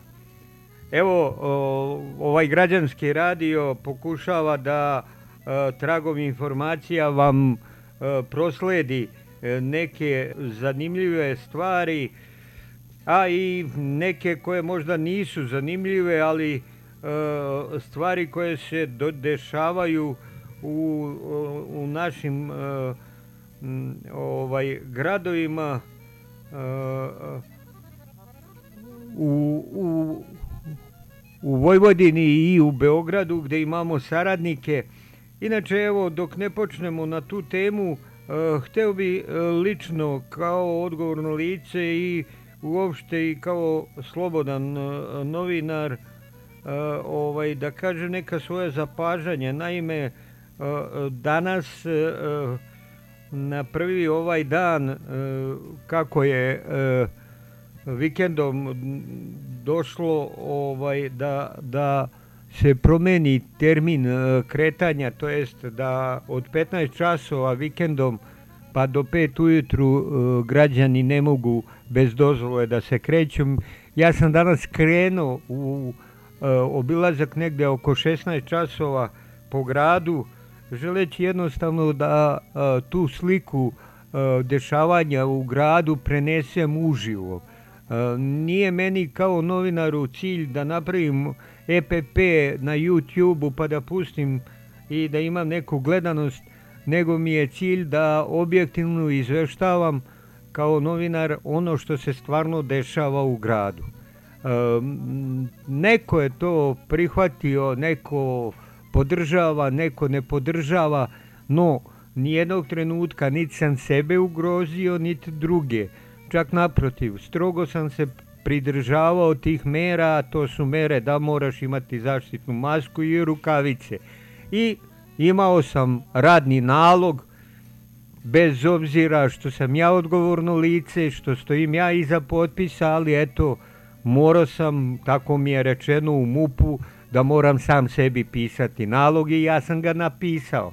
Znači, strogo sam se pridržavao toga.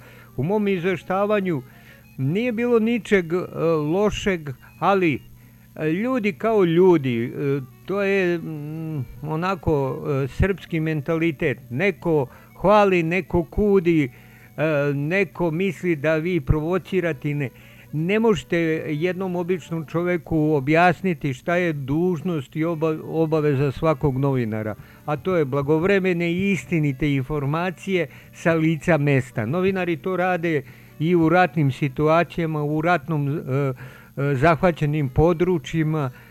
Tamo im niko ne kaže, e, nemoj biti tu. Znači, zna se šta je novinarski zadatak i tokom ove pandemije.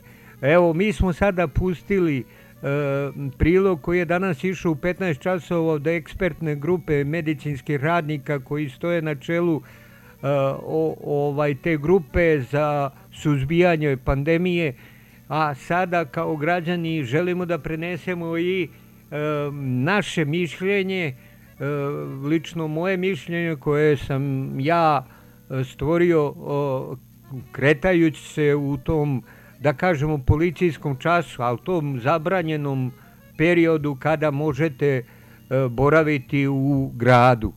E, to, ta mera treba da shvatimo je doneta zbog e, toga da se mnogo ljudi ne okuplja na jednom mestu i sasvim je razumljivo. Isto tako, bez obzira ima teorija zavera koliko hoćete, koliko nas ima toliko i teorije zavera. Svako u našoj glavi to drugačije tumači. Ne moramo se slagati u politici, ali kao ljudi moramo da se pridržavamo onoga što je sada u ovoj vanrednoj situaciji koja jeste malo drugačija, ali e, ne treba da remeti naš normalan život i da mi padamo u neku vrstu depresije. Čak naprotiv, mi treba da tu ojačamo i ovo će proći kao i sve. E, mnogo smo bili zbunjeni izjavama tih eksperata, e, pogotovo na početku i vlasti, te ovo, te ono, dok, eto, razumemo i mi njih. Onda oni trebaju da razumu građane. E sad jedna stvar, e, policija je radila svoj posao onako kako treba u skladu sa zakonom. Vanredna je situacija, njihovo je da kontrolišu. Onaj koji nema radni nalog, koji, e, kome nije, da kažem, dozvoljeno da se kreće, ne treba da se usuđuje na to. Zašto? E, ulice su dosta puste, pogotovo noću. Može doći do nekih situacija, gledali smo na televiziji, javnim servisima i drugim medijima, da dolazi do pljački, do obijanja banaka i svakog drugog menjačnice i tako dalje. Znači, zbog toga ne treba da se kreće u, po gradu, drug, to je jedna stvar. Druga stvar je da bi se suzbilo masovno druženje. Mi kao narod volimo, evo čim je lepo vreme, vidimo scene iz Beograda, na Adi su izašli ljudi u parkove, to je malo i razumljivo s jedne strane. Zašto? U, u, u urbanim sredinama je drugačije. Vi živite u, u betonu i jedva čekate kao da se neko ne, navre, ne naljuti i uvredi, jedva čekate ovaj, kao gušter da izađete na, na a, a, toplotu, malo da se zagrijete i tako dalje. Ljudi, ljudi jednostavno u tim urbanim sredinama, Beograd je uh, najveći grad, najviše ima stanovnika u tim zgradama koji su, to su i soliteri, gde malte ne komšija komšiju ne pozna, uh, slabo kontaktiraju. E sad, uh, ono što malo izađe u prirodu, to su ti parkići i tako dalje.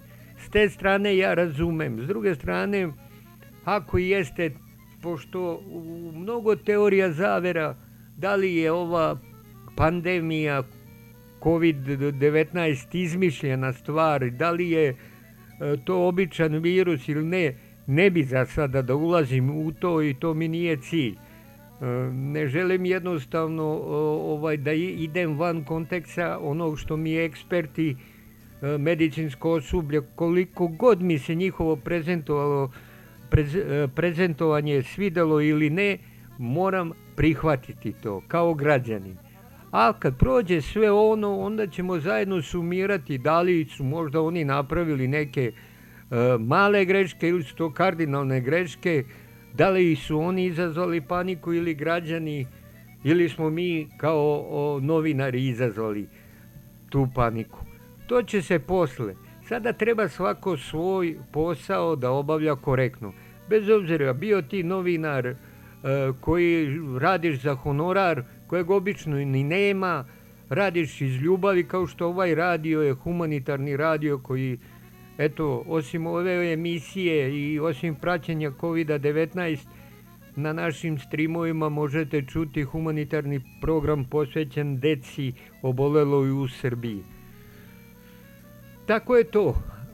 Ali žalosno je, evo, moramo reći, kad dobijamo neke informacije koje ne možemo proveriti. Mi smo pokušali da kontaktiramo te informacije, znači, iz e, izvora koje dobijamo, ali jednostavno vlast nedovoljno želi da sarađuje sa medijima, mislim u smislu slanja pravro, blagovremeno slanja informacija i dostavljanja.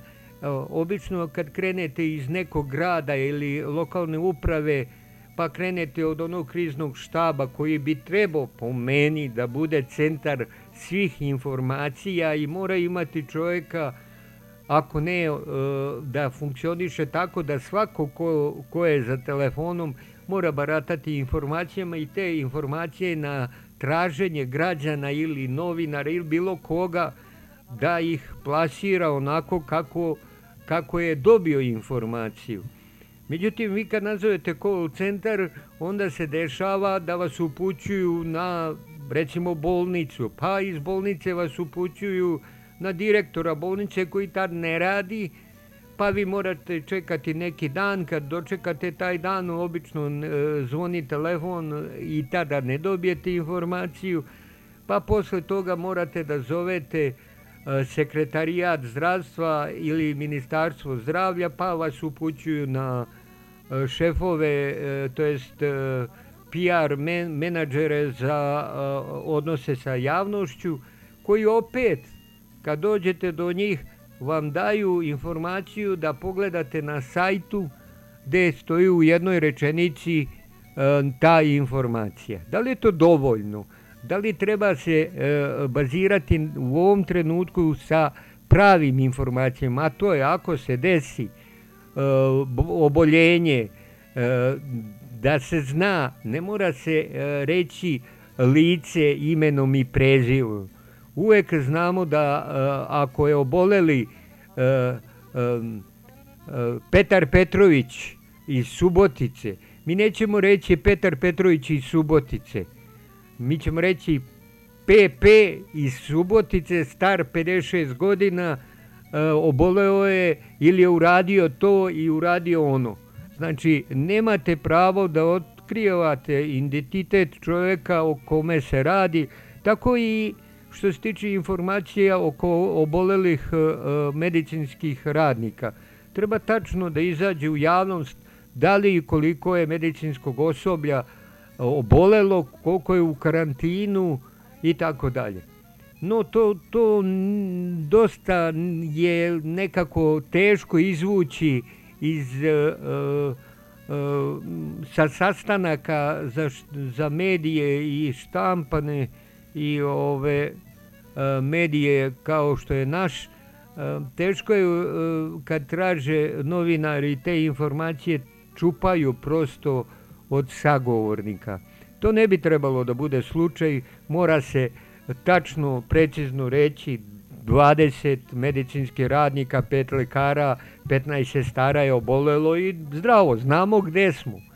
Ne sad sakrivati, nije to sad izazivanje panike, to je samo baratanje sa informacijama.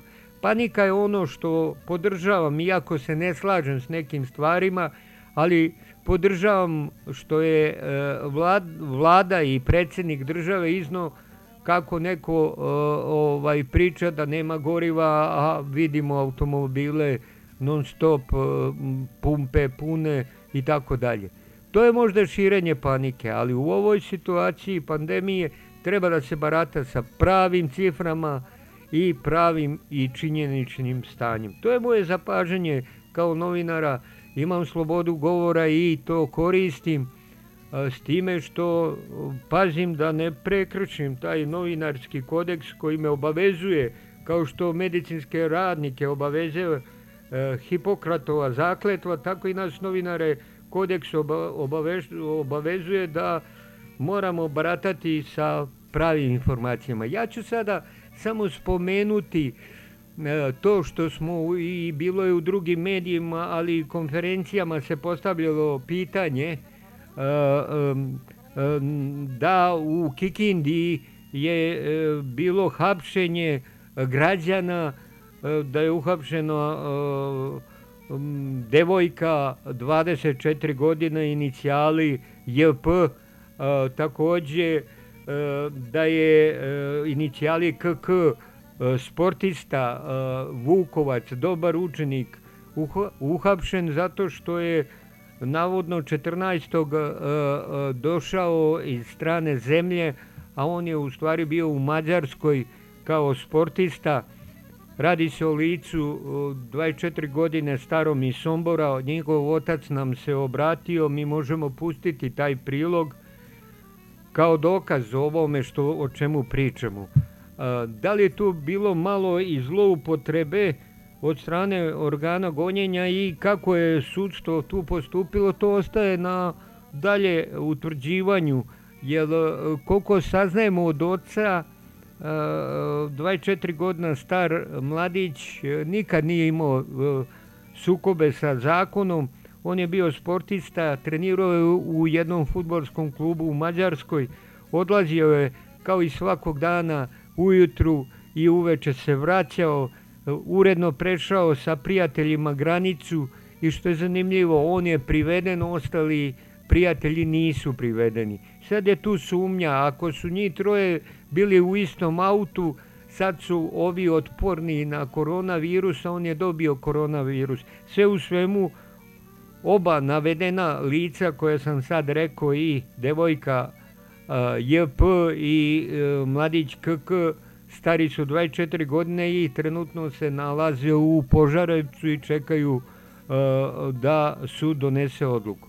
Da li sad tu malo ima preterivanja, to je sad stvar koju trebaju dobro da razmisle e, sudske i zakonodavne vlasti, da ispitaju dobro sve slučaje da ne bude da, da ovaj, u, među građanima ima sumnje da neko zloupotrebljava ovu situaciju.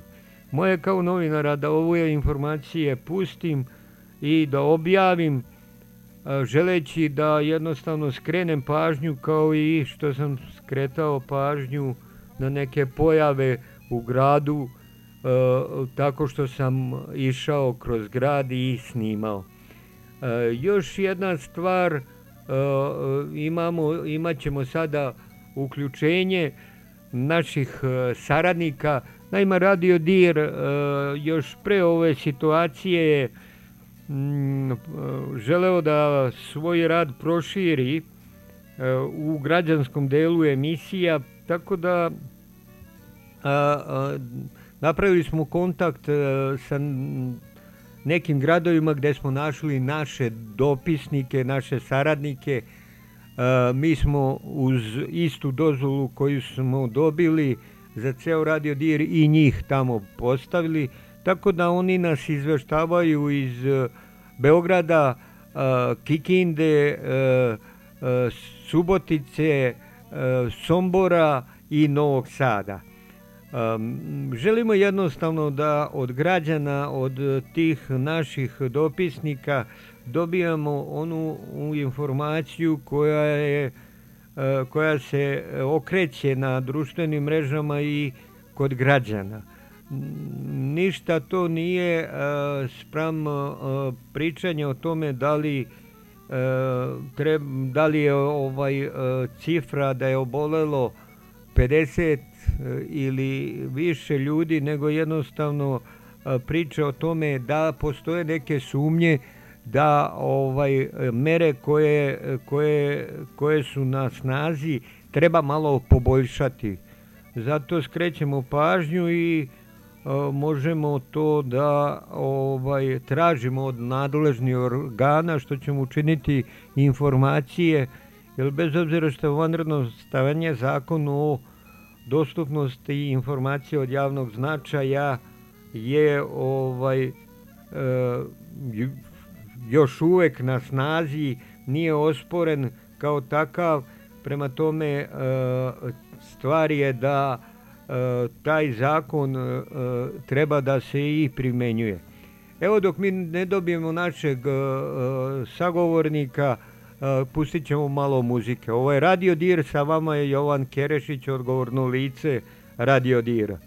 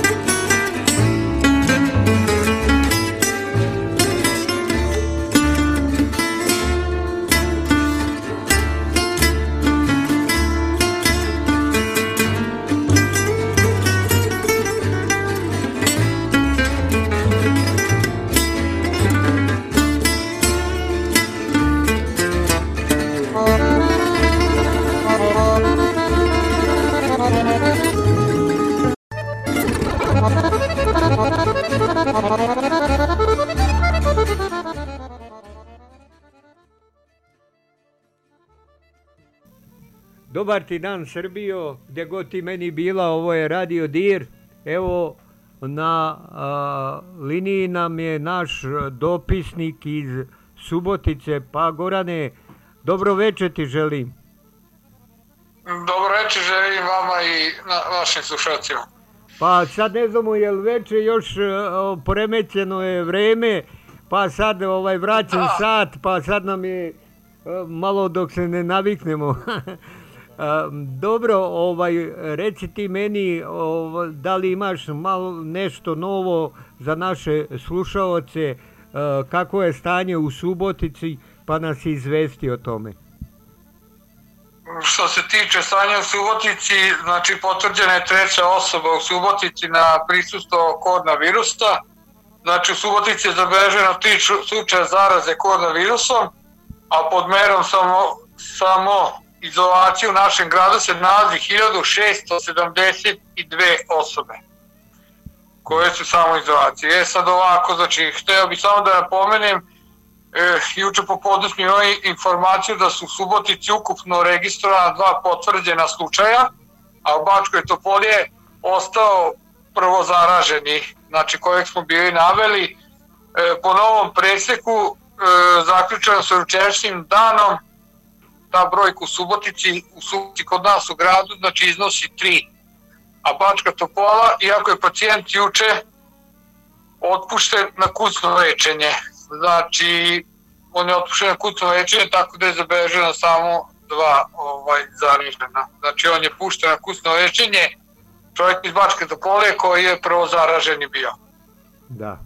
E, ovaj, je li, kako je stanje u bolnici, e, ovaj, je li imaš neke informacije o tome? E, stanje u bolnici je stabilno, znači informacija nema, što se tiče apoteka, maski, dezinfekcioni sredstva, znači maski nema, ali vidimo da ljudi nose, znači to je ovaj, kako se zove, znači šivone koje dobrovoljno prave maske znači u Subotici, znači tako da većina ljudi ima sad maske. A, kaži mi još što se tiče prodavnica prehrane, je li ima kvasca? Što se tiče prodavnice prehrane, znači kvasca ima, brašna ima, šećera ima, znači sve redovno ima, s tim da danas je nedelja, znači danas u ranim časovima od 4 sata do sedam su radile sve, svi marketi zbog e, naših e, penzionera. Da. A, kaži mi ovako kad prođeš gradom, da li ima okupljanja ili ljudi drže distancu jedno od drugog, da li i u, u redovima je tih dva metra, da li se pridržavaju toga svega? Tako je, znači bio da smo se kretali po gradu, znači pošta, banka, apoteka, znači ljude drži, ljudi drže to rastojanje od 2 metra, okupljanja nema, znači parkovi su prazni, znači dečija igrališta su prazna, tako da ovaj toku današnjeg dana, znači isto smo pokušali da zabeležimo, znači zabeležili smo da su parkovi tek tek po koji prolaznik, e, tako da to je to što se tiče toga. Znači u Subotici se strogo pridržavaju tih mera i dobro sad kažem ja sam ovaj pričao ne znam koliko si slušao danas sam pravio ovaj live uživo sa mobilnim prošetao kroz grad želeći prvo lepo je vreme bilo da pokažem da li se Rumljani pridržavaju. Ja sam pustio na stranici Subotice, vidjet ćeš tamo, ovaj, da li se pridržavaju tih mera, kako se ponašaju. Prošao sam uži centar grada, mogu ti reći sve je bilo u najboljem redu, ljudi vidim po dvorištima, pošto ajde mi nismo tako, pa ni Subotica možda, onaj centralni deo jeste, ali ovo na periferijima i oko Palića, to ipak ima svoje dvorište, svoju kuću da možeš, ljudi se opustili, roštiljaju porodicom, mislim donekle da kažem ima i nekih dobrih uh, uh, stvari u tome. Tako da ono nema sve ono crno ima nekih i belih uh, tačaka u tom svemu Tako je. Da, i evo, kao, reci, slušam. Kao i u Subotici danas isto, znači, ovaj, svi se pridržavaju, znači kao što smo rekli, svi se pridržavaju rastojanja, znači nema okupljanja, znači pridržavaju se, strogo se svi pridržavaju tog policijskog časa, znači nema zabeleženih e, prekršaja, u početku je bilo, ali sad nema, nema ima ikakvih prekršaja po pitanju policijskog časa. Znači svi su disciplinovani, što nam je i drago. Da. Da što pre izađemo iz ovoga. Da, takođe ovaj, e, ako budeš e, doznao nekog ko je u samoizolaciji, e, ti vidi pa makar neki kontakt preko Vibera, pa snimi to i pošalji nam ovaj, tu priču da li kako podnose tu samoizolaciju, jer oni su još manje ovaj, malo na neki način e, nemaju e, toliko slobode kao ovi e, koji još nisu u samoizolaciji, znači kojima koji normalno žive ljudi lepo, ovaj kažem porodično izađe u dvorište, osjeća se ovaj roštiljanje i, i ono da. zašto bi bio ceo dan u kući lepo vreme u njegovom dvorištu uživa čovek s porodicom i tako dalje. Da, e, ljudi u Subotici koji su samo izolaciji strogo, znači kojima je to ovaj e, stigao dopis, znači strogo se drže toga, a i MUP e, i policija znači strogo kontroliše to po pitanju Subotice, znači strogo se, baš se strogo kontroliše to. Pa tako i ovde. Dobro, ja sam imao da.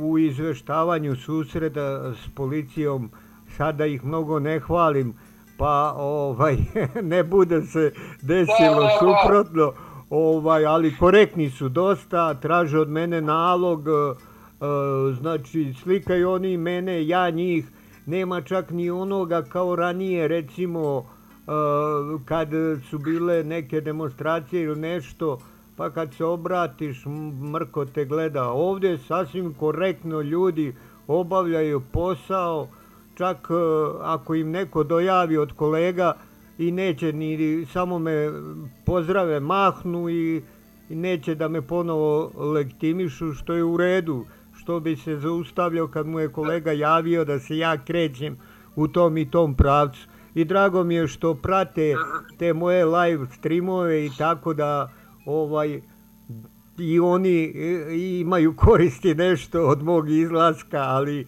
kažem, sve u najboljem redu je sad, kad pustim live stream, naš, malo je teško objašnjavati ljudima, ovaj, neki to podržavaju, neki ne, kako ti šetaš, a ja ne šetam, ovo, ono, ne može sto ljudi, sto čudi, nego ja kažem ljudi, Ja kao novinar radim samo svoj posao, ništa drugo. Nikoga ne provociram, ja nisam u kontaktu, nikoga ne zarazujem. Znači, ja nisam u kontaktu s nikim, šetam, snimam, da vi vidite. Ja mislim da je novinarski tako napraviti reportažu, to je eto moj stav, što ne moraš ti se slagati sa mnom, ovaj, da to je bolje nego da ja sad snimim pa dođem kući izmontiram video klip za YouTube. Nije to spot, to je situacija u kojoj se nalazimo, prenosim je uživo u tom minutu, u toj sekundi ljudi vide pravo, pravu situaciju. To je novinarsko izveštavanje. Tako je, slažem se. E, tako... tako je, slažem se. Tako je, slažem se, slažem se. Znači, niti se narušava nečiji red, ni mir, ni ništa. Znači, trenutno da su ljudi, eto, znači, koji su trenutno u kućama i sve, da opet koliko toliko budu obavešteni o svemu, čisto da vide, eto, šta se dešava na ulicama. Pa jeste, ja kažem, ja sam čak e, slikao i, i, i situaciju kad su privodili u, u, u MUP, ovaj, e, nekoga ko je možda napravio prekrše, nisam ulazio u detalje, došli ljudi, isto slikali i oni mene i, i ovaj moj radni nalog, što oni rade svoj posao, ali tu nije bilo neke drskosti, što je za pohvalu, ali kažem, ne bih želeo mnogo da hvalim, ovaj, rade svoj posao za sada korektno, to sam čuo i od drugih kolega, a vidjet ćemo da samo u ovoj situaciji da ovo ne potraje pa svi malo budemo ovaj nervozni pa to budemo ispoljavali. Nadam se, daj Bože da, da ovo sutra se završi, da se mi vratimo normalnom životu, da se negde sretnemo, eto, makar i ovaj na pola puta između Subotice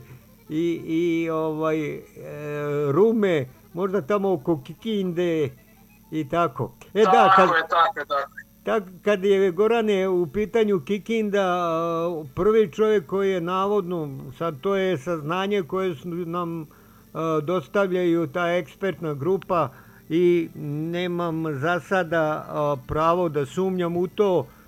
Prvi čovjek koji je inficiran koronavirusom iz Kikinde je taj nulti, zaražen je, oporavio se i uskoro će na kućnu negu. Aha, znači oporavio se.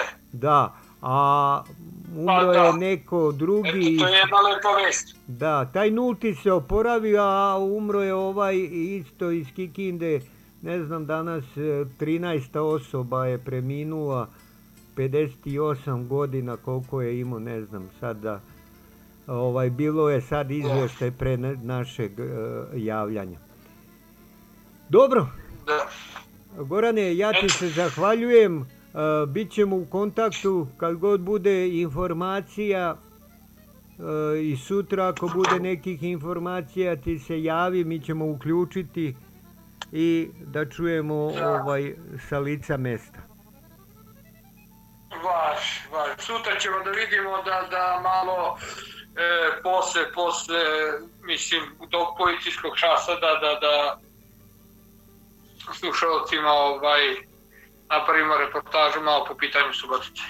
Važi, važi. O, pozdrav za e, sve u Subotici koji nas slušaju. Pozdrav za tebe pa se čujemo. Ovo je bio... Takođe.